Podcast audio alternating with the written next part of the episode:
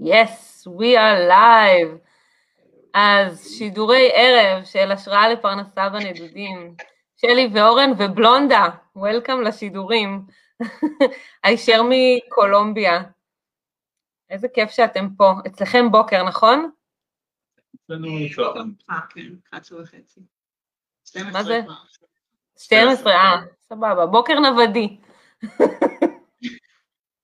דווקא אנחנו אה, קמים מוקדם אה, יחסית לאנשי ההייטק וה... זה, אנחנו נוטים אה, מוקדם. אז שלי ואורן, אני רציתי, ובלונדה שעכשיו עושה סיבוב, אני רציתי לדבר איתכם גם על היזמויות שלכם כמובן, ועל הזוגיות שלכם ובדרכים וכל המיזמים שלכם, אבל אין ספק שהייחודיות של הסיפור שלכם, של לנווד עם כלבה, הוא יוצא דופן, ואנחנו נביא אה, הרבה מזה היום. וזהו, בואו נתחיל, אנשים כבר מתחילים להגיע לשידור החי, אז אני רק אגיד שאפשר אה, להשאיר אה, קומנטים מתחת לשידור בלייב, ואני ישר רואה את זה כשאלה ומפנה את זה לגורמים הרלוונטיים. אז אה, מה נשמע? ספרו לי, מה הוציא אתכם לדרך? מה הוציא אותנו? אה, מה, עשיתם לפני שיצאתם לדרך? כאילו, למה, למה עברה לכם בראש המחשבה שאנחנו יוצאים אמ, לדרך? אני יצאתי לדרך, בוא נגיד לפחות מנטלית, אה, לפני שהכרתי את אורן. אה, רגע, רגע, במשרד- שכחתי בעצם להציג אתכם. אמ, את אדריכלית, נכון, ואתה עוסק בשיווק דיגיטלי, אמ, כן, שיווק ופרסום. שיווק ופרסום, ולפחות אדריכלות זה לאו דווקא מקצוע שמסורתי לנווד איתו, אז, אה, אז זה מעניין שדווקא מנטלית את, את האינישייטור בעצם של הנוודות המנטלית לפחות בהתחלה, אז, אה, אז עכשיו תספרי לי. אוקיי.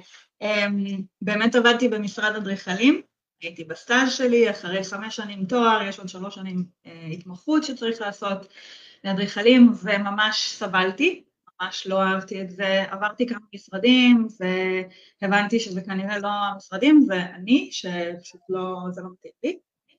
אה, וממש הייתי בדאון, זה, לא אהבתי את החיים, ממש רק חיכיתי כל יום לצאת מהמשרד, וזה לא החיים שרציתי לעצמי, אז אמ, אה, החלטתי, את יודעת, ככה לחסוך קצת כסף, לצמצם ממש את ההוצאות שלי, להגיע למצב שיותר קל לי, יש לי פחות לחץ כלכלי, שאני אוכל להתפטר מהעבודה ובאמת להבין מה הצעד הבא שלי. אה, ובאמת התפטרתי בלי לדעת מה אני רוצה לעשות הלאה, אבל נתתי לעצמי את הזמן אה, ככה באמת לשאול את עצמי מה אני רוצה, אה, ורק אחרי שאני אבין מה, לחשוב איך. והמה אוקיי. מבחינתי תמיד היה לטייל בעולם. תמיד כששאלו אותי מה, אם לא היה כסף ולא היה חירויות, מה היית רוצה לעשות? והתשובה שלי, מאז שאני זוכרת את עצמי, הייתה לטייל בעולם. אמ, רגע, אני רוצה להגיד שנייה, אה, אולי תבטלו את הביטול רעשים, כי שומעים אתכם פחות טוב עכשיו. אה, אוקיי. אה, שלא יהיו רעשים. אז אה, כן, זה מבטל גם את הראשי. אוקיי. עכשיו יותר טוב? שומעים עכשיו הרבה יותר טוב, כן. אוקיי, אז, אמ, אז את מגיעה למצב כזה שאת, מחל... שאת מבינה שאת צריכה קצת להשתחרר כלכלית קודם, כדי לטייל? אמ, תראי, אני פשוט הייתי עם משכורת של משרה מלאה ועדיין גומרת את החודש עם אפס. זאת אומרת, לא הייתי בחובות, אבל לא היה נשאר לי כסף. וזה לא מצב שממש אפשר לי לקחת את הזמן ברוגע ולחקור את השאלה החשובה הזאת של מה אני רוצה לעשות, אם אני כל הזמן רצה מעבודה לעבודה, כי אני צריכה לשלם חשבונות וכולי. אמ, אז רק כשבאמת הצלחתי להוריד את ההוצאות, גם הצלחתי לחסוך כסף, שאפשר לי... בא עם, כאילו איך הצלחת להוריד את הנושא, עם זה שיצאת לנוודות בעצם? לא, לא, הרבה לפני. אה, עוד אוקיי. שגרתי בישראל, עוד לפני שהכרתי את אורן. אה, קודם כל, אה, את יודעת, לא גרתי בתל אביב, זה כבר שדרוג מאוד משמעותי, מצאתי בית חמוד במושב שהיה 2,000 שקל בחודש וזה היה מבחינתי מדהים. הפסקתי לעשות שופינג, מכרתי הרבה דברים שלא הייתי צריכה, האמת שגם באותה תקופה למדתי לתפור ותפרתי לעצמי בגדים או תיקנתי אמ, דברים קטנים, את יודעת, אה, לגזור לעצמי את השיער בבית במקום ללכת למספרה, אה, לבשל יותר במקום אה, לאכול בחוץ כל הפסקת צהריים, הרבה דברים קטנים שמצטברים, גם מכרתי את האוטו ועברתי לאופניים חשמליים, אמ, זה היה ככה ממש קבלת החלטה ושינוי אורח חיים ש... שיאפשר לי את מה שאני רוצה בעצם. כי מה שבאמת... וואו, את הראשונה שאני מראיינת שבעצם עוברת איזושהי פאזה כאילו מקדימה, זאת אומרת זה עדיין לא הנוודות, אבל יש שם איזשהו משהו שכבר מכין את ה mindset ליציאה מהמרוץ. אז אה, מעניין לשמוע. לגמרי, לגמרי. אה, זה באמת... אה, מין הייתה תקופה של חקירה וחיפוש, וככה גם הגעתי לאורח חיים הזה של הפשטות מבחירה, שזה נושא מקסים ומעניין, והוא מאוד מתאים לנוודות, כי מדובר פה באמת גם קצת על מינימליזם, ולפשט את החיים, אבל גם הרבה באמת בחירה, בחירה מה חשוב לך, מה סדר עדיפויות שלך, מה אתה באמת רוצה או רוצה. לגמרי. ואורן, מה איתך? אתה בעצם הכרת את אה, שלי ובגללה יצאת, או שהיה לך את זה בזכותה? בזכותה, אם כבר בזכותה, כן. בזכותה, אה, ברור. הכל כאן זה אה, בזכות הנוודות. אני הכרתי את שלי באמת שהיא כבר הייתה בתוך התהליך הזה, כבר עמוק בתוכו. אני באתי, בא בכלל מהייטק, והרבה, עבדתי, האמת לפני, הרבה לפני שהייתי קרוב בכלל לאזור של הנוודות, באתי, עבדתי בהייטק עם המשכורות הגדולות והרכב הצמוד וה, אה, וכל ההטבות וכל הזה, ובאיזשהו שלב אה, הבנתי שאני לא רוצה לעבוד בשביל אנשים אחרים, זה היה לא קשור, ל... בלי קשר, okay. אוקיי. למס... זה לא, לא שהיה לי רע או משהו כזה, אבל, אבל כן הייתי מבזבז את אה, כל היממה שלי, היממה הערה שלי בלהיות במשרד. אה, אז מה זה אומר לעבוד בשביל אחרים? רצית כאילו להיות לצורך העניין יזם?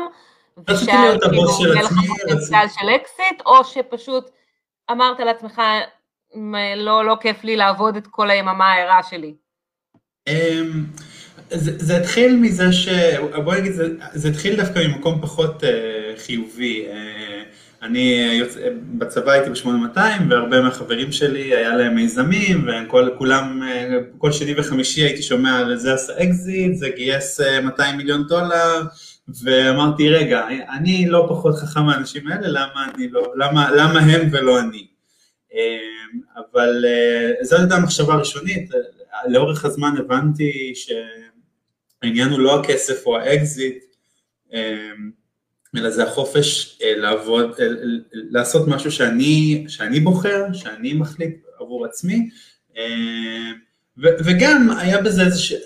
אה, גיליתי שלעבוד בשביל, בשביל איזה מנכ"ל עלום שם שנמצא במקום אחר ולא מכיר אותי בכלל, והוא בזכותי עושה סכומים אדירים, סכומים אדירים של כסף, ואני נשאר ב... בגלגל הזה, אה, זה, זה עשה לי לא טוב, אה, אז באמת יצאתי לעצמי. יש שם את הפוטנציאל של הצמיחה והגדילה. אה, כן, זה פחות, גם, גם פחות לעניין, לא פחות, זה לא, לא היה אכפת לי כל כך מהעניין של הצמיחה או היכולת לעשות יותר כסף, כי כן הייתי במסלול התקדמות, אבל יותר באמת פשוט לא אהבתי את הרעיון של לעבוד בשביל איזה מישהו עלום שם שהוא מחליט את המטרות ואני רק איזה בורג, אהבתי להיות, אני רציתי להיות הבורג המרכזי. אוקיי. והקמתי מיזם, הוא התגלגל, סיפור ארוך, התגלגל, היו לו כמה גלגולים לאורך השנים, אבל... אה, חשוב להבהיר שכל הדבר הזה זה גם לפני שהכרנו. כן, הרבה לפני שהכרנו. אוקיי. אני, אני עוד הייתי נשוי, ו... אה, וואו. כן. עבר אפל. עבר אפל, כן. אני מבינה שהתגרשת בלי ילדים, אם אתה נווד. אוקיי. אמ, אבל אה, אז זהו, אז ברגע שעזבתי, ירדתי לחצי משרה, ו, ו, וגם הייתי צריך ללמוד להסתדר עם פחות כסף בכיס, ולאט לאט התגלגלתי לממש ללכת, עזבתי את העבודה והייתי יזם במשרה מלאה. אוקיי, אז גם אתה אמרת איזושהי פאזה מקבילה קצת כמו של שלי, של הצטמצמות. נכון, אבל לא בהכרח מכוונת. זאת אומרת, אני, אוקיי. אני אמרתי לעצמי, היא הייתה פחות uh, מכוונת. אמרתי לעצמי, טוב, אני אעבוד כמה שנים, אני אחסוך, אני אהיה, אני אצמצם על הוצאות, אני, אני אעבוד קשה, בלי משכורת, ואז יום אחד אני אקום בבוקר ויהיה לי כסף, ואני אוכל, אני אגייס כסף, ואני אז באיזה, באיזה שלב אתם, סליחה, באיזה שלב אתם אה, מכירים בתוך התהליך הזה שלכם, של ירידה למען עלייה נקרא לזה? אז, אז מהצד שלי אני, uh, המיזם, הצלחתי לגייס איזשהו סכום של כסף למיזם, למיזם שלי, וכבר הייתי, uh, למעשה הכרנו אחרי שכבר נגמר הכסף הזה, זאת אומרת זה היה כבר ממש בשלב שרצינו לגייס עוד כסף, היה סיפור ארוך גם, השותפים שלי עזבו, נשארתי עם המיזם די בעצמי, זאת אומרת די לבד במיזם, אה, ואני רציתי להמשיך לקדם אותו ונשארתי איתו. אה, אבל לא היה נורא בראש עדיין של להיות אה, סטארט-אפיסט, זה היה נקודה שפגשתי אותו. כן. הוא גם הלך אחר כך ליזמות. מה זה? שתחזרי על המשפט האחרון, שהוא היה בנקודה ש... של מה? הוא עדיין היה נורא בראש של להיות סטארט-אפיסט. זאת mm. אומרת, זה היה הכיוון, כן. והוא גם בדיוק אה, התקבל, ממש מעט אחרי שהכרנו, הוא התקבל לחממה ליזמות אה, בנגב. כן, אז עברתי לקיבוץ בדרום, אז זה גם היה, בוא נגיד שאם אני צריך לשים אצבע על הנקודה שבה יצאתי לנוודות דיגיטלי, זה היה שעברתי לגור בקיבוץ בדרום, המשכתי כאילו לא היה אה, כאילו לא הייתה, לא היה שום הבדל בעבודה שלי, גם ככה עבדתי ברוב לבד, פעם ב- הייתי נוסע לפגישות אה, בתל אביב, אה, פגישות משקיעים וכאלה, אבל יכלת, היה לי משרד והייתי עובד שם. ואז הבנת, אם, אם, אם אפשר לעשות את זה מהקיבוץ בדרום, אז למה לא מכל מקום? בדיוק, בדיוק. אני רוצה רגע לתקן את ההיסטוריה, שנייה, אני צריכה להעביר פה משהו, זה לא מדויק. ברטרוספקטיבה זה נכון, זה היה השלב שהוא יצא לנוודות, אבל זה לא היה בכלל בלקסיקון שלו, הנוודות הדיגיטלית, הוא לא שמע את המונח הזה בכלל, אנחנו מדברים על 2017. אוקיי. אמ, לא היה קבוצות ולא, כאילו, זה היה מין מונח עלום שהיה אפשר למצוא בגוגל, אבל זה לא היה במקום שזה נמצא היום ואני מאוד שמחה שהיום זה במקום אחר לגמרי, הרבה יותר מפותח. אבל אני באמת נתקלתי במונח הזה בזמן התקופת חיפוש שלי, ובאמת אמ, נכנסתי, הקמתי עסק לאדריכלות משלי, אה, אבל במקביל חיפשתי איך אני יכולה למצוא עבודה מרחוק, כי האדריכלות זה פשוט, ניסיתי לעבוד מרחוק, אבל הלקוחות כאילו לא שיתפו עם זה פעולה, הבנתי שאני אצטרך למצוא משהו אחר שיספק לי את ההכנסה הזאת מרחוק, ואז הייתה איזושהי הזדמנות שדווקא באה מהכיוון של הסטארט-אפ שלו, של המיזם שלו, של uh, תוכנית יזמות בסקוטלנד, ואני uh, בעדינות ובנעימות דחפתי uh, שנלך לדבר הזה. אה, הגשתי מועמדות גם על העסק שלי, כשהוא קיבל את התוכנית לעסק שלו, וקיבלו גם אותי. ואמרתי לו, יאללה, בוא, בוא נעשה ניסיון, יש לנו פה איזושהי מסגרת שמקלה עלינו את ההתחלה. הם לא נתנו לנו הרבה, לא היה מגורים או כסף, היה מרחב עבודה ו... בתוכנית יזמות מנטורשיפ. מנטורינג, כן. מנטורינג, אוקיי. אקסלרטור אה, לעסקים. אוקיי. אה, זו תוכנית מצוינת, כי חוץ מזה, זאת אומרת, הייתה תוכנית, זאת אומרת, הם כן קידמו את זה לסטארט-אפים, אני חושב שזה היה אה, יותר יוקרתי בשבילם לחפש סטארט-אפים, אבל רוב האנשים שהיו שם דווקא לא היו לא בתחום ההייטק, הם היו או ביזמים עסקיים, אנשים ש... יזמים עסקיים, עסקים, עסקים קטנים בתחילת דרכם, וזה היה מאוד, זה היה מרתק לראות עוד עסקים, להבין שהעולם גדול וחוץ מהביצה הקטנה של ישראל יש עוד מקומות ועוד סוגי עסקים, ולהכיר את הקשיים שלהם, כמו שיש לנו קשיים, וכל הדברים האלה. אומרת, קיבלתם סביבה תומכת והפריה הדדית גם, באיזה סוג של האביות כזאת. לגמרי, אמ, וגם זה היה מין אה, טבילת אה, אצבע במים, אה, הניסיון הראשון שלנו באמת לעבוד מחו"ל. אמ, עכשיו, אנחנו... מה קורה לעסק שלך ברגע הזה? איך, איך את עושה לו את השינוי, את הטרנספורמציה? אז בזמן הזה אני בעצם החלטתי אה, לפתוח את העסק שלי שנקרא מקצועני רביט.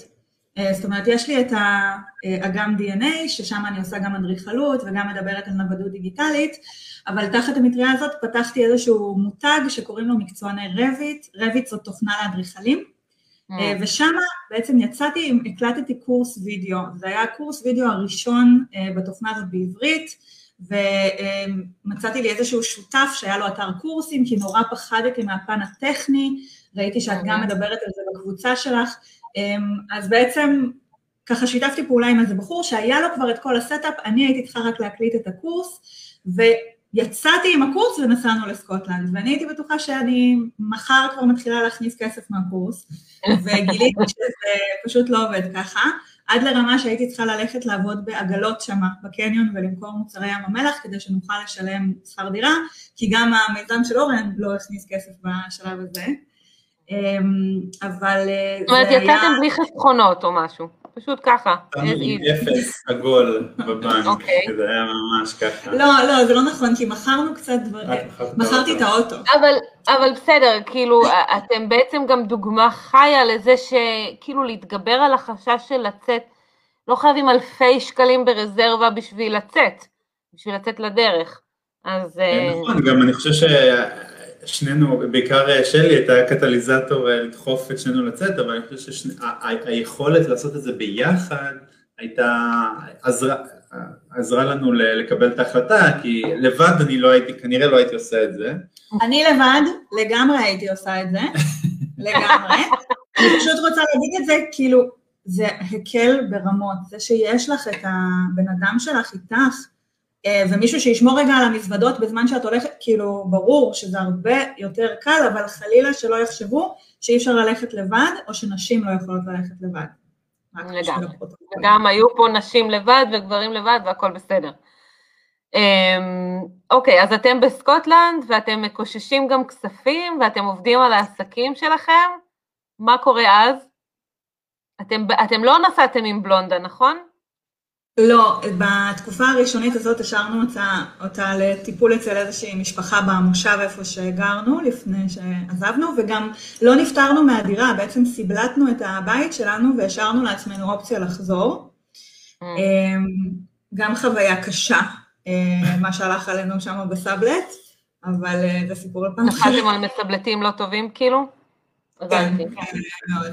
אוקיי. אה, ואז היינו שם חמישה חודשים, עד לחורף הסקוטי המר, אה, וחזרנו אה, לישראל, אבל מתוך הרגשה שאנחנו באים לביקור, לחסל עניינים ולהמשיך הלאה.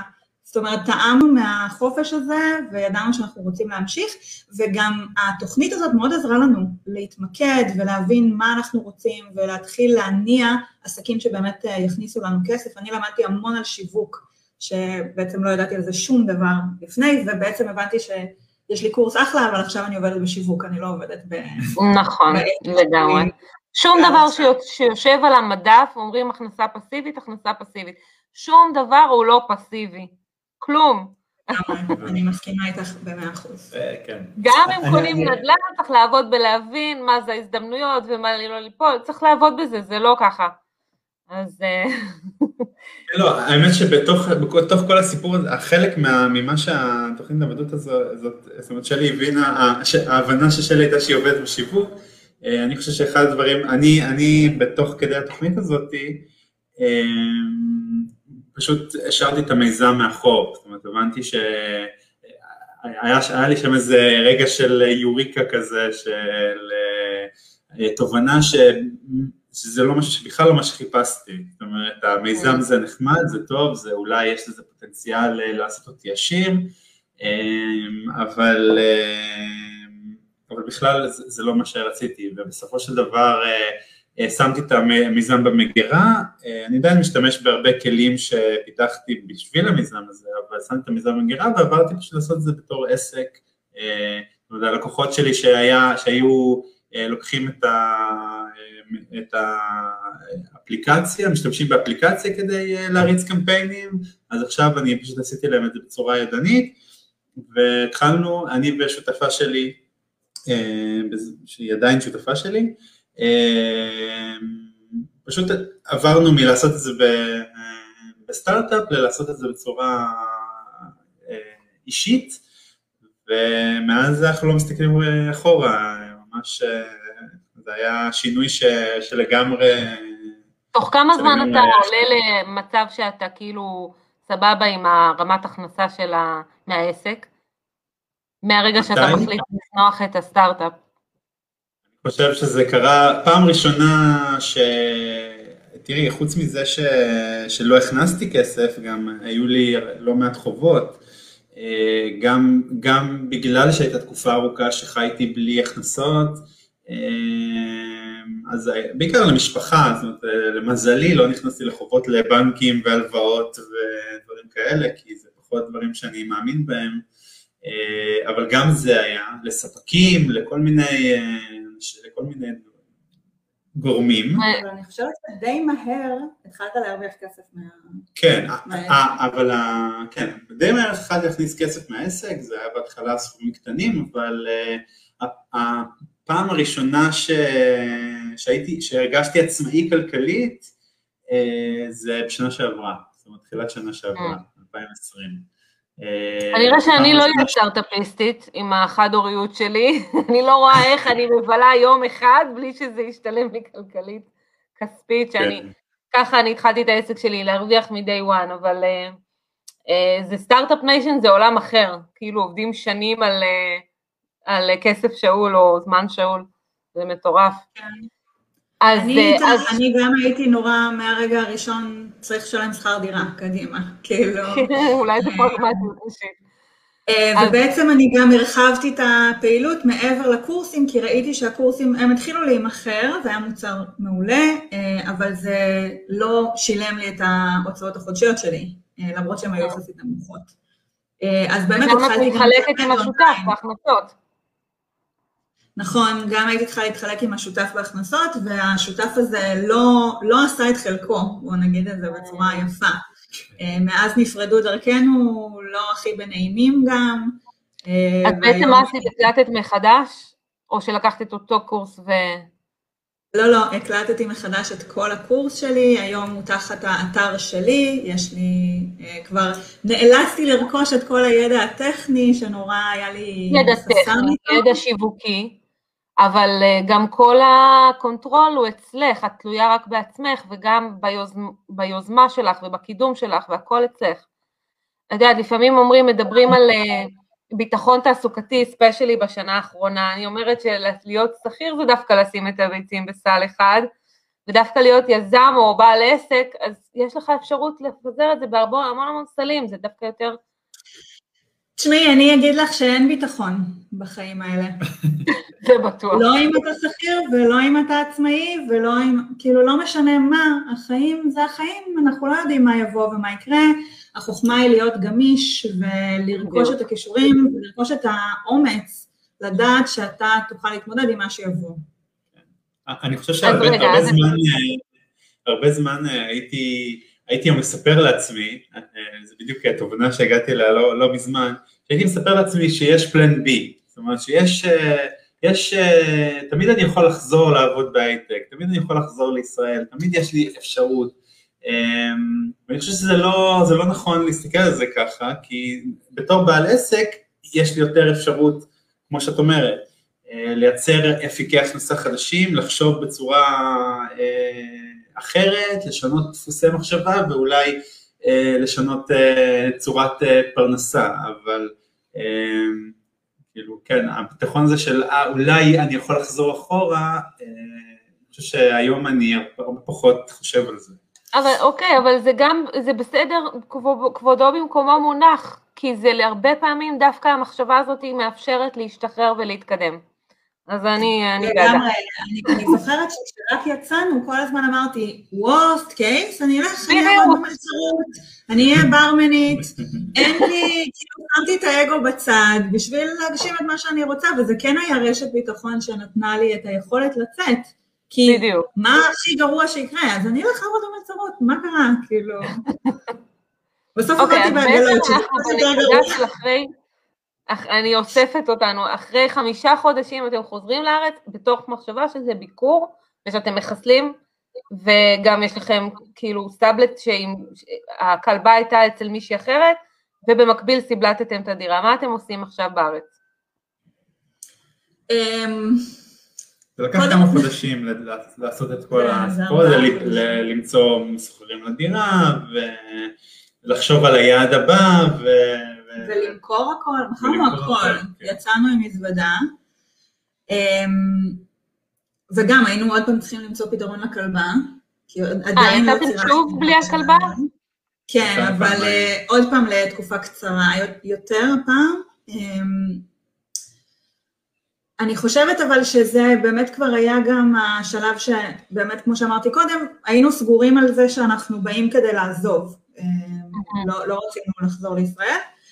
אה, ואז נסענו ליעד קרוב, נסענו להונגריה, נכון? לבודפסט. אה, שזה גם יעד זול, שזה מוריד את הלחץ הכלכלי יותר, בטוח יעד יותר זול מסקוטלנד, אה, אז זה היה גם יותר קל במובן הזה.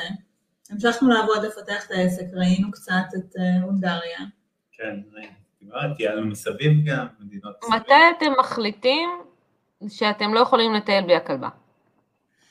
אה, אחרי בודפסט. האמת שתוך כדי בודפשט, אני חושב שהיה לנו, זאת אומרת, בהתחלה השארנו את, הכלבה אצל, את בלונדה אצל חברים, שהיה להם כלבה, ואמרנו, טוב, היא כלבה קטנה, זה לא, יש להם גינה, זה לא מפריע להם מדי, אה, אבל, אבל מהר מאוד הבנו שזה, ש, שהם, שבסדר, זה נחמדים והכל, אבל אה, זה, זה מעיק עליהם, זה יותר מדי בשבילם.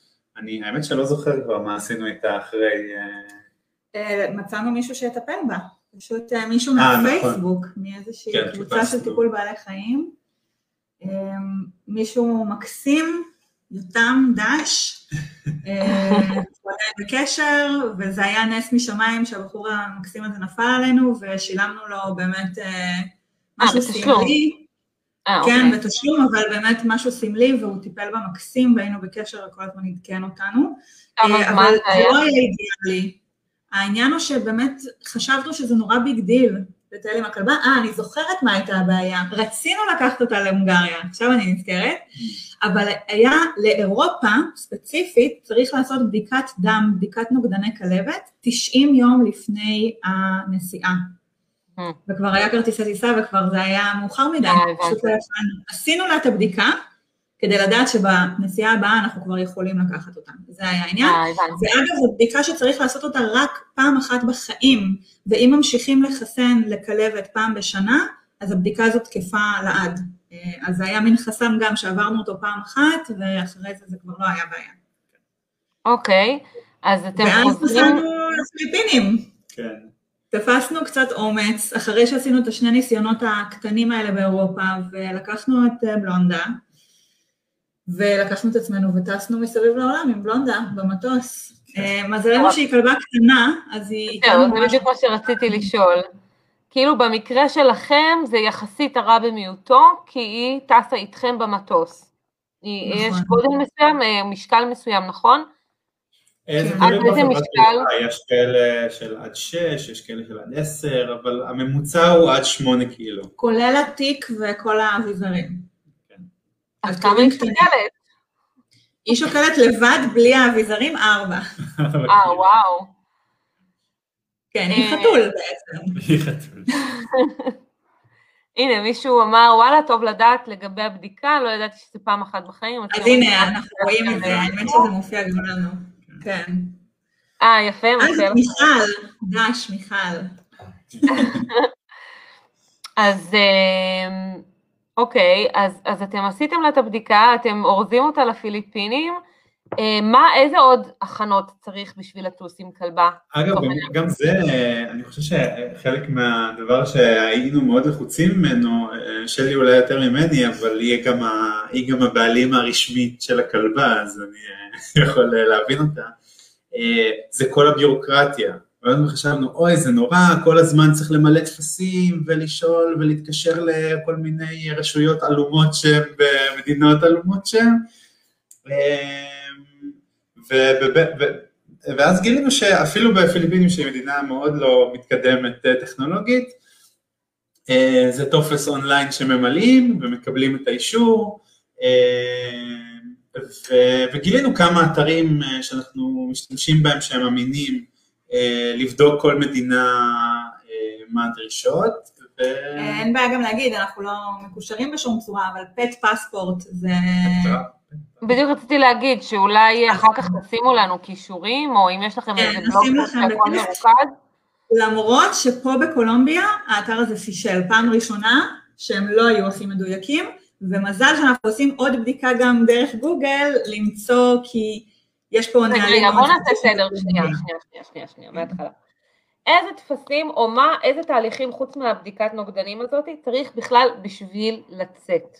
בפעם הראשונה נגיד שיצאתם. זה תלוי במדינה. לצערי, אה. אני לא יכולה לתת תשובה גורפת, ולכן צריך את האתרים האלה שאומרים לך מה דורשים במדינה, אבל בגדול, בכל מדינה צריך אה, פנקס חיסונים עם חיסון כלבת בתוקף. זה המינימום.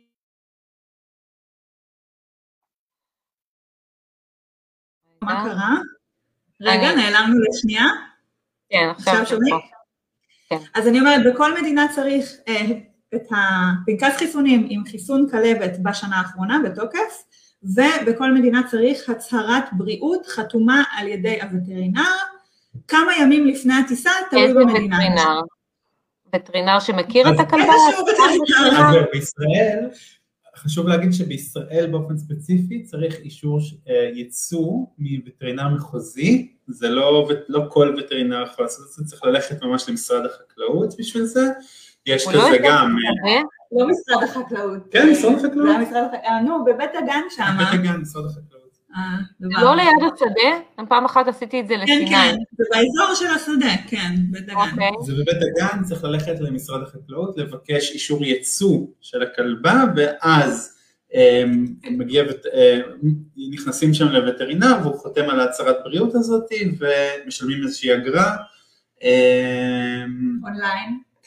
כן, אבל אפשר לעשות אותה, כן, שם במקום. ישראל זה אחת המדינות הקשות, כי גם ל- להיכנס לישראל צריך אונליין להגיש בקשת יבוא ולקבל אישור יבוא לכלבה בחזרה, אפילו שהיא מישראל. בגלל ה... רגע, אז יש לנו ייצוא, כלבת וכאילו פנקס חיסונים וייצוא במשרד החקלאות, זה לצאת מהארץ. ואז אתם כן. בעצם בודקים מה קורה בפיליפינים, מה קורה בפיליפינים? שם לא היו דרישות מיוחדות. היה אה, ללכת למשרד של הווטרינר המקומי בשדה, בנחיתה, כן. במנילה. ולשלם איזושהי אגרת אה, כן. יבוא של ה... אוקיי, ולהטיס את הכלבה זה כרטיס טיסה, איך זה עובד? אה, אז זה מאוד תלוי בחברה. אה, ברוב רוב החברות שיצאנו לטוס איתן, אה, בעצם, או לא ברוב החברות, אבל בוא נגיד שכמעט תמיד מצאנו חברה שמוכנה להטיס כלבים בקבינה, כי בגלל שהיא כלבה קטנה ויש את האפשרות הזאת, בשום פנים ואופן לא רצינו לשלוח אותה בבטן המטוס, זה פשוט לא נעים לכלב, אין דרך אחרת להגיד את זה, אה, אבל אה, בעצם צריך לוודא מראש, לפני שמזמינים את הכרטיס טיסה, שהחברת תעופה הזאת מסכימה להביא כלבים אה, על גבי המטוס. יש גם יוצאי דופן במדינות שלא מסכימות, שהמדינה לא מסכימה שיהיו כלבים בקבינה, ולא קשור לחברת התעופה, למשל סין. אמ, אז, אז, אז, שנייה, אנחנו אז מזמינים... זה אומר שכאילו אי אפשר להביא את אותו בעל חיים לאותה מדינה בכלל? לא, בקבינה. אפשר אם זה אה, הבנתי. משהו נורא מוזר. לא, הסיבה לזה היא, כי כשבאים עם כלב למדינה, את פשוט יורדת עם הכלב מהמטוס והולכת לשדה, ויכול להיות שאף איש רשמי לא ישאל שום דבר, זה קרה לנו כבר פעם שנכנסנו למדינה ולא היה שם אף אחד. פשוט נכנסנו לווייטנאם ואף אחד לא בדק אותנו. מודע. אוקיי. אמ, אז בודקים שהחברה מקבלת בעלי חיים. אם רוצים להגדיל ולעשות, היינו צריכים לעשות את זה בכמה מקומות אחרי שנכוונו, אפשר גם להתקשר לחברה מראש ולוודא שלא רק שהם מסכימים באופן כללי, אלא שבטיסה הספציפית הזאת אפשר להביא את הכלב, ואז אנחנו מזמינים כרטיסי טיסה, ומיד מתקשרים לחברה לדווח שאנחנו מגיעים עם כלב, ולשלם על העלות של הטיסה שלה. בטיסות אה, ארוכות... זה לא- זה לא נעשה במעמד רכישת הכרטיסים? זאת אומרת, אי אפשר לרכוש בעצם. יש, בכל- יש חברות ש, שמאפשרות את זה במעמד, במעמד רכישת הכרטיסים, אני חושב שזה לאט לאט אה, משת, משתפר ומשתדרג, אבל זה נדיר היום, כרגע. כן, היום, היום לא, זה מאוד אוקיי, נדיר. אז אתם בעצם מבררים, רוכשים כרטיסים, מתקשרים ואז משלמים עליה, שזה, כמה זה יוצא? זה כמו כרטיס לבן אדם בוגר או... לא. אז זהו, זה תלוי. בטיסות ארוכות, הטיסות נגיד למזרח, אה, זה בערך 10% מעלות הכרטיס שלנו. של אחד, אה, זה של אחד, אחד. כן. אוקיי? אה, וסתם לדוגמה, אם הכרטיס שלי היה 900 דולר, אז שלה יעלה 90 דולר. כן. בטיסות הקצרות דווקא זה מגוחך, זה יקר בקטע אחר, כאילו יכול להיות שהכרטיס שלה יעלה כמו הכרטיס שלי. אוקיי. באירופה 40 יורו הכרטיס שלי, 35 יורו הכרטיס שלה. כן, פשוט ב- יש מחיר קבוע לטיסות נגיד בתוך אירופה, כל מיני חברות אוקיי. תעופה כאלה זולות יותר, אז יש מחיר קבוע, ואז יכול להיות שהכרטיס שלנו יוצא יותר זול. אבל אני חייבת לציין שזה כאילו, זה נשמע כמו הקלה יחסית, כי נגיד אז לטייל עם כאלה, זה לא כמו לטייל עם עוד בן אדם, או אפילו עם ילד, זה הרבה יותר אה. אקונומי. זה גם הקלה אני למשל לא ידעתי את זה. תשמעי, זה הקלה במובן שהשארנו אותה במדינה אחרת. אני, היא בלונדה עוד שנייה בת 13, היא איתי המון המון שנים, וזה היה קשה להשאיר אותה בישראל. יותר קשה היה להשאיר אותה בישראל מאשר להתמודד עם הבירוקרטיות של להביא אותה איתנו. אה, דרך. אגב, גם בשרשור שהקדים את השידור של בעלי חיים, אז גם יש הרבה אנשים עם אה, בעלי חיים מבוגרים כבר. אז, אה, אז זה טוב לשמוע אתכם כדי להראות ש-everything is possible, כן? ולפתוח את הראש. אה, אוקיי, אז, אז אתם בפיליפינים, ושם הבנתי שהיה לכם איזה משהו שכן הייתם חייבים להטיס אותה בבטן המטוס באופן חד פעמי, שזה היה כזה, מה היה שמה? אה, פשוט הייתה שם חברה אחת שהיא, פח... שהיא לא, החברות באופן כללי, כל החברות הפיליפיניות לא מאפשרות להטיס אה, כלבים ב... ב... בקבינה ב... ביחד עם ה... איתנו. אה, המזל שלנו שזה טיסות יחסית קצרות, אז קנינו שם, היינו צריכים לקנות כלוב, האמת שגם אחרי הפיליפינים הסתובבנו איתו הרבה יותר מדי זמן ביחד איתנו, השתמשנו בו כ... מגן מזוודה, לא יודע, כל הזמן היינו מוצאים כל מיני קומבינות לאיך לסחוב את הפלסטיק הזה בלי שזה יעיק עלינו מדי. נורא פחדנו שפשוט ניתקל עוד פעם במצב שלא ייתנו לנו לקחת אותה עם התיק בד שלה על המטוס, אז שיהיה לנו את הגיבוי הזה. אבל כן. שחררנו אותו לפני כמה? לא שנה? שנה, כן, שנה בסדר. כאילו, עם הניסיון בא הביטחון ש... שיהיה בסדר. וגם... יש אה, איזה מדינות ש... יש איזה מדינות שרציתם לטוס אליהן ובסוף הייתם צריכים לוותר עליהן כי אי אפשר להיכנס עם כן. כלבים? את אה, תופתעי לשמוע, אבל אנחנו נאלצנו לוותר על הודו. אה, עכשיו היינו יותר משנה במקסיקו. לא אה, כשלמעשה התוכנית הייתה, מזל, הכל מידי שמיים, באמת, כי מזל שנתקענו בקורונה במקסיקו ולא בהודו, אבל רצינו לנסוע להודו או סרי לנקה, ופשוט אסור... תקשיבי, בהודו יש לכם מזל, אני כאילו נסעתי להודו והייתי צריכה למצוא סידור למי שהייתה אז הכלבה שלי, וספציפית אני פשוט מסרתי אותה למשפחה שכנה, אבל אה, לא יכולתי לנסוע, כאילו את הולכת בחוף בהודו וזה כל 20 מטר מלחמת טריטוריה, אי אפשר, בלתי אפשרי.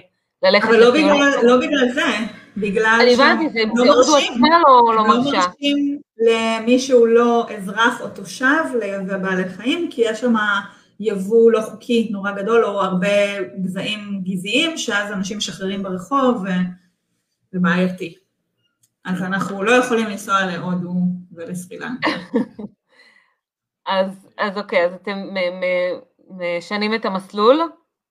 אה, יש גם, מדינות שדורשות הסגר, אה, אוסטרליה אני חושב, אני חושב שגם אנגליה איזה זמן. כן, אבל אנשים אומרים הסגר, זה לא באיזה כלוב במשרד החקלאות, זה הסגר בבית שיוצאים לטיולים ופשוט אסור... בידוד ביתי 14 יום.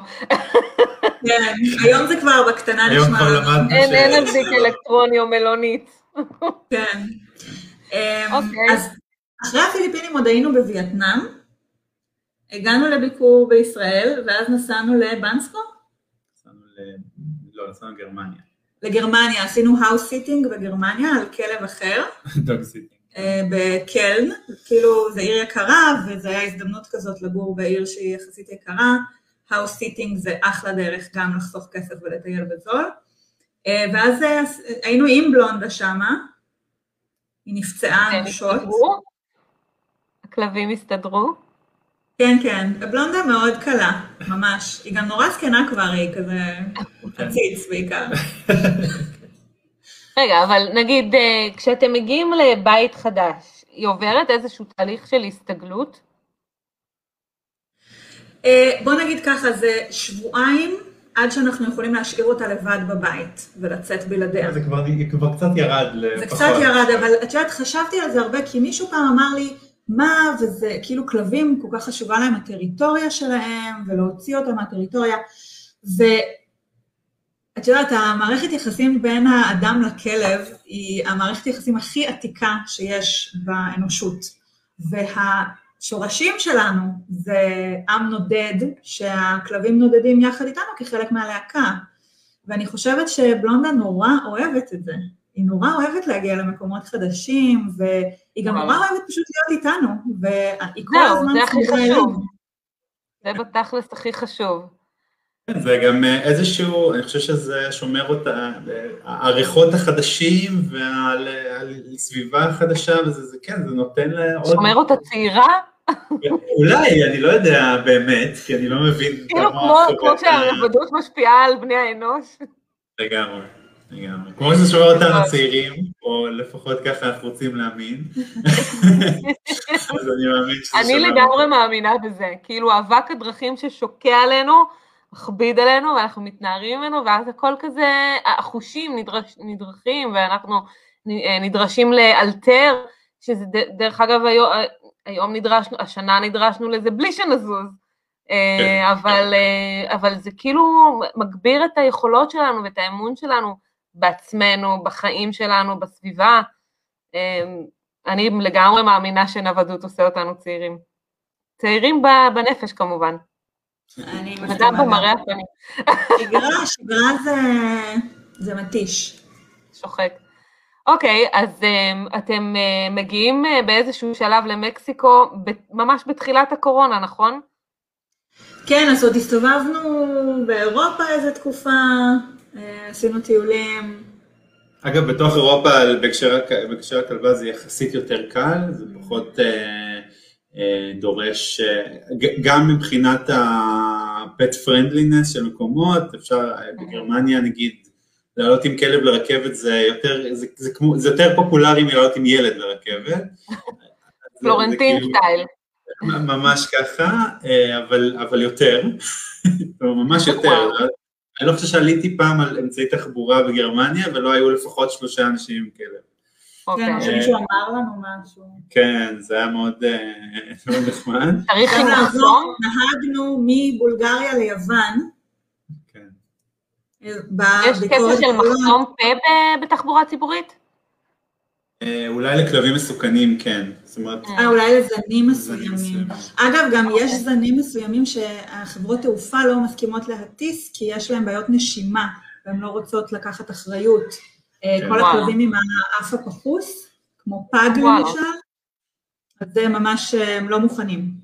גם אם יש לך את כל האישה. אז איך יודעים לצורך העניין אם הכלב שלך הוא כלב מזן מוטס? יש רשימה באתר של חברת התעופה איזה זנים אה, לא מסכימים. כן. יש לכל חברת תעופה, אגב, זה, זה חשוב ל... זה יחסית קונסיסטנטי דרך חברות התעופה? זאת אומרת, זה לא שפתאום אתה נתקע בדרך? יותר, כן. אוקיי.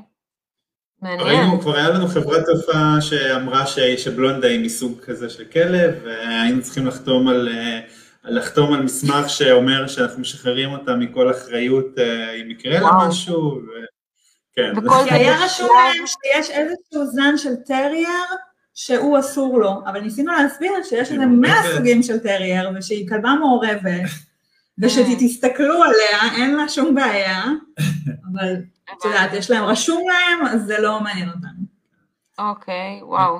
אבל באופן כללי, אה, באמת באתר של כל חברת תעופה, יש להם בדרך כלל אה, אזור מסודר שרשום איזה סוגי בעלי חיים מותר, אה, מה הדרישות, אה, משקל מקסימום, זאת אומרת, ומחירים.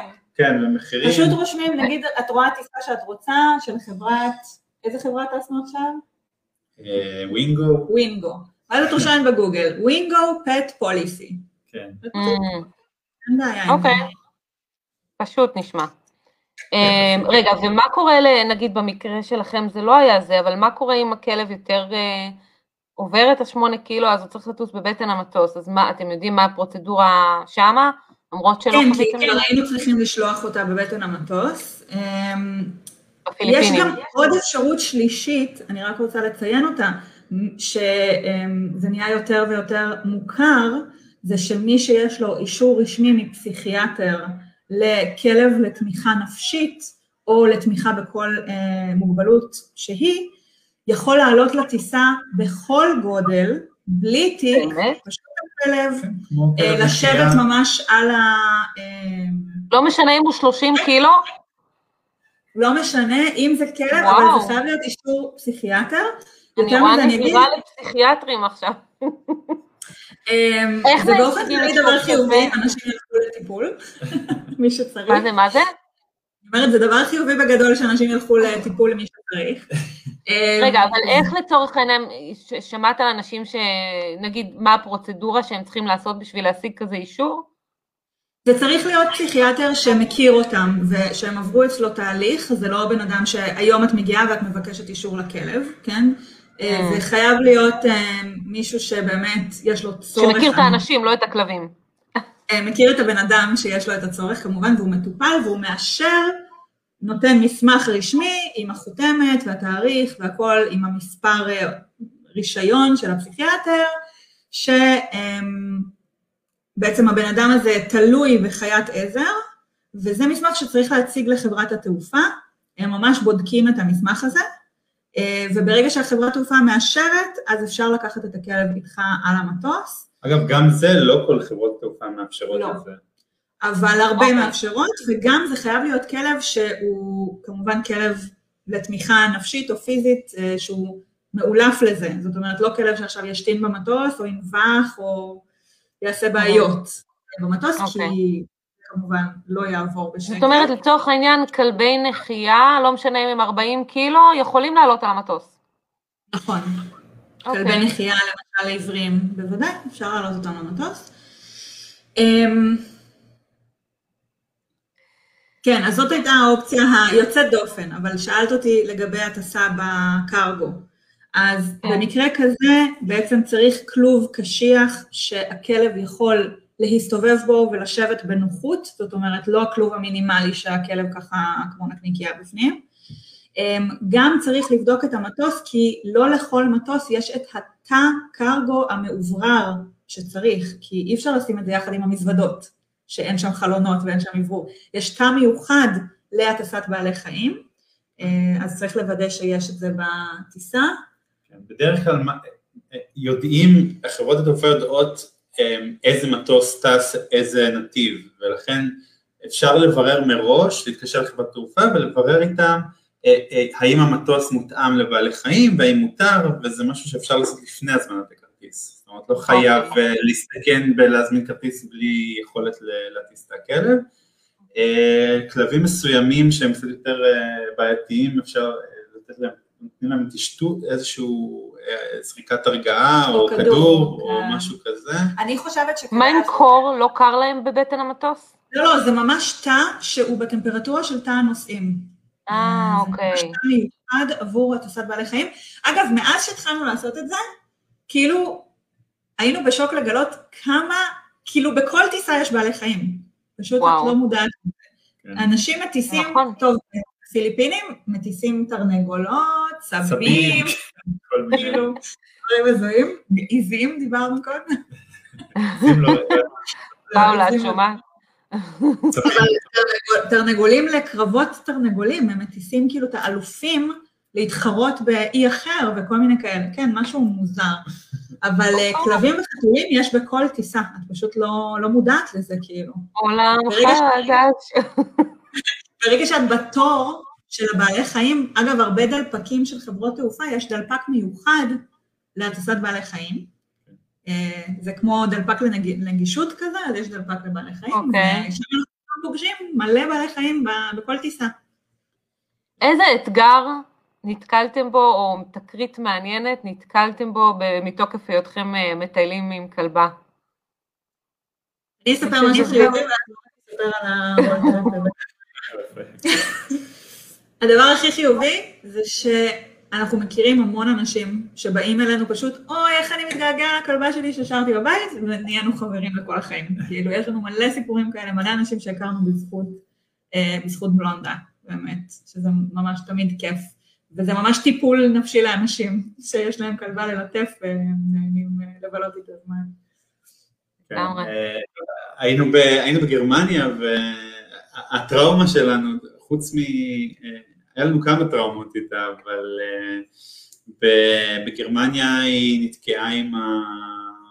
הציפורניים שלה נתקעו ב... איך קוראים לזה? במדרגות אה, הנאות. אוי? כן, זה וממש נקטע- נקטע לה- נקטעה לה ציפורן אחת או שניים אפילו, וממש אה, זה היה רגע של, אה, רגע לא נעים שהשפריץ שם דם לכל מקום. אוי. אה, או, אה, זה מעלה לי את השאלה, מה- מה קורה עם טיפולים וטרינריים אם צריך? אז גם, אני תמיד חשבתי שצריך כאילו וטרינר שמכיר אותה וזה, אבל אני לא חושבת, זה כלב כאילו, את יודעת, אז קרה לה את הדבר הזה, כמו שלי היה חלילה קורה משהו, הייתי הולכת לרופא, אז אנחנו הולכים לווטרינר הקרוב לביתנו, או זה שיש לו הכי הרבה ביקורות חיוביות בגוגל. כן. יש ו- אה, ביטוח לכלבים? ביטוח בריאות? למשל? יש דבר יש? כזה?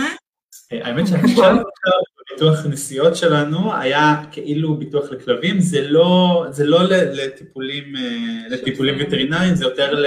אם צריך להטיס את הכלב ביחד איתך, ואתה, למצב, כמצב חירום. אבל אני חושבת שראיתי פרסומות לביטוח לכלבים, בכנות זה נורא תלוי לאן אתה נוסע, כאילו אם אתה נוסע לאירופה יכול להיות, או למערב אירופה, יכול להיות שזה שווה, אבל בכל העולם זה די זול, טיפולים כן. לכלבים. ברוב העולם זה... אמ, בישראל גם יש ביטוח לכלבים, נראה לי שזה שווה. בישראל כן, זה. רואה- תלוי, אה, תלוי נראה לי אה, מיקום ספציפי, נגיד אה, וטרינר מסוים, נראה לי. אני לא בטוחה בעצם.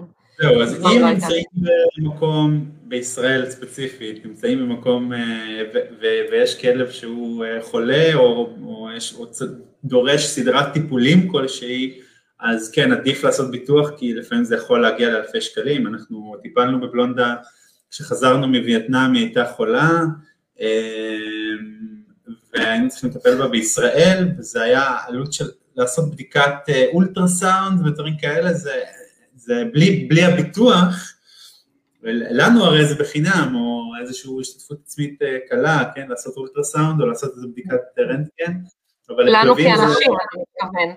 לנו כאנשים, כן, לנו כבני. אדם, או לנו כישראלים, זה גם פריבילגיה שצריך להכיר שיש לנו כן. ביטוח טוב אה, חינם. אבל לבעלי חיים זה יקר. אה, זה עלה לנו אלפי שקלים, אה, וסתם בדיעבד. בדיעבד ללא סיבה. סתם בגלל שיש לה כזאת היסטוריה אה, אקזוטית, כן, אז החליטו לעשות את כל הבדיקות שבעולם, אבל בסוף היא פשוט הייתה צריכה אנטיביוטיקה. אנחנו קצת לקראת סיום, אז כאילו אני רוצה שתספרו, איך, איך היה, איך אה, לעומת אה, כל המקומות שהייתם, איך לטייל במרכז אה, סלש דרום אמריקה עם כלב, זה, זה קל, זה קשה, זה מאתגר? אני חושבת שזה קל, זה נגיד, דרום, היינו במקסיקו, קוסטה ריקה ועכשיו בקולומביה, ובשלושת המדינות האלה בסך הכל זה היה נחמד מאוד. במקסיקו ספציפית הם גם מאוד אוהבים אה, כלבים קטנים, זה בירת הצ'יוואוות הרי. אה, נכון. אז אה, מאוד ידידותיים אליה. היא גם כלבה קצת מוזרה במראה שלה, אז אנשים תמיד ככה מתעניינים מאיפה היא, ושומעים שהבאנו אותה מישראל, ונורא מתלהבים. כן. זה conversation starter חבל על הזמן. כן, מאיפה היא? ואני אגיד השומר בבניין אה, שהיינו בו, בדירה הקודמת שהיינו בה, הוא אמר לנו, אמר לי, מה זה, הכלבה שלכם טילה יותר ממני. שאל אותי איפה היא הייתה ומאיפה היא הגיעה, זאת אומרת, זו שאלה, תמיד שאלה שעולה, אה, היא מפה? הבאתם אותה מפה? לגמרי. וגם יש לציין שכל המדינות האלה, מקסיקו וקוסטה ריקה, אז גם בכלל לא היה קושי עם הקורונה ובידודים ובדיקות וכל הדברים האלה, זה יחסית אה, לא, זה לא מדויק, היה הסגרים במקסיקו והיינו צריכים להיות בבידוד 14 יום כשעברנו מדינה והמצב ב... מאיפה לאיפה? כשטסנו, היינו במקור בפלאיה דל קרמן במדינת קינטנה רוב, וכשזה היה ממש המוקד להתפשטות הקוביד במקסיקו, כי כל האמריקאים בחופשת ה spring break שלהם באו. באו לקנקון והביאו המון המון אה, מקרים, ונהיה הסגר, complete, shutdown, lockdown, הכל היה. סגור, החנויות, המסעדות, אנשים ממש עמדו כבר בתור ללחם, ליטרלי, ממש, ממש גבעו ברעב שם כי סגרו את כל העסקים, והמשטרה עם השוטגנים שלהם הסתובבו ברחובות, זה היה ממש מצב לא נעים, והחלטנו לעבור וטסנו ממש בשיא הקורונה, אה, בהרבה חששות, טסנו וגם התבטלה לנו הטיסה באמצע והיינו צריכים לישון לילה במקסיקו סיטי, עברנו לסן קריסטובל דה לס קאסס במדינת צ'אפס, ושם היינו בבידוד והתקשרו אלינו ממשרד הבריאות כל יום לוודא שאנחנו בבית ושאין לנו חום ואין לנו תסמינים, אבל לקחנו וילה ענקית ומפנקת על היער, באוויר ההרים, את יודעת, יכלנו להרשות את זה לעצמנו כי זה מקסיקו, ואת יודעת, כן. התכוננו לזה, לקחנו בית שיהיה לנו נעים בו, והיה לנו אח, והיה לנו חצר גדולה בשביל בלונדה, ויכלנו לצאת לטייל ביער. זו פעם ראשונה שאני שומעת את הדברים האלה על מקסיקו, בדרך כלל החוויות, החוויות שאנשים מספרים הם אה, כאילו שהכל באיזי כזה, אז, אז, אז זה מעניין לשמוע את הכל ה... במקסיקו, אבל לכולם בגל הראשון, הגל הראשון של מקסיקו היה הרבה יותר מאוחר מבמקומות אחרים, זה היה בערך בסוף אפריל. תחילת מאי אפילו, אה. אמ, אבל בגל, תחילת הגל הראשון, כולם היו די בהיסטריה, לא ידעו כל כך איך להתמודד כן. עם זה, כל מדינה עשתה את הצעדים שלה.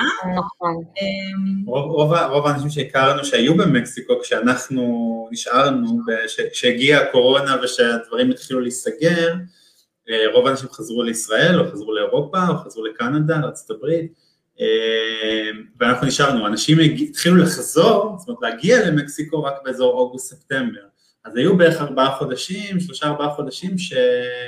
שהיה שהיינו ממש, לבד. היינו, היינו הלבנים היחידים בערך, אה, או רק אלה שחוץ מהזרים שגרו, שגרו שם, אה, היינו זרים היחידים באזור, המטיילים היחידים. אבל אני ממש ממש שמחה שלא חשבנו לרגע שיהיה יותר טוב לחזור לישראל, נשארנו במקסיקו, ובאמת אחרי הגל הראשון הזה, הכל היה הרבה יותר רגוע, וזכינו לראות המון מקומות ריקים מאדם, שבדרך כלל הם מפוצצים. מדהים. זה פחות- זה פחות היסטריה ולחץ וטוטליות, כמו שיש בישראל, ממה שאנחנו רואים מרחוק לפחות. זה ככה יותר אה, בקנה מידה אנושי. אז- אז אה, שלי ואורן, אה, תנו לנו איזה משפט אה, השראה למישהו שרוצה לטייל עם בעל חיים, מה אתם, אה, מה המחשבה שככה מלווה אתכם עם זה? אני לא רוצה לסיום. אנשים, אבל אני הייתי אומרת שאם הבעל חיים לא יכול לטוס בקבינה, אז הייתי שוקלת לטובת הבעל חיים לא לעשות את זה. כי אני חושבת שבמיוחד אם מי שרוצה לנדוד הרבה, לא מדובר פה על רילוקיישן חד פעמי, מי שרוצה לנדוד הרבה ויכול לקחת בקבינה זה נהדר, זה להביא את המשפחה איתך, אבל אם אי אפשר בקבינה הייתי שוקלת לטובת הבעל חיים להשאיר אותו מאחור. בקיצור, זה לא חף מאתגרים. אפשר אה, לטייל, פשוט למקום כמו אירופה, שהגבולות פתוחים ושאפשר Mm. לטייל בתוכו ארצות הברית, כן. אז זה אפשרות. ואז עושים טיסה אחת, ולא כן. כל הזמן. ומטיילים קרקעית. כן. תענוג שבאתם להתארח, זה היה מאוד uh, פותח עיניים ומרענן, ומתחת ללייב uh, תקשרו אותנו לכל ה... אם יש לך, אם שלי, אני יודעת שיש לך איזשהו בלוג שמדבר גם על הנושא של לטייל עם בעלי חיים, אז קשרי אותנו וגם לעסקים שלכם, וזהו, וממש uh, כיף שבאתם להתארח בהשראה לפרנסה בנדודים. ו... תודה. אה, ממש מקווים שנצליח לעזור לאנשים שרוצים לעשות את הצעד הזה. זהו, רציתי גם עוד להגיד שאם יש מישהו שצופה בהקלטה ונשארו לו שאלות, אמ, אז אפשר לשאול מתחת להקלטה ו...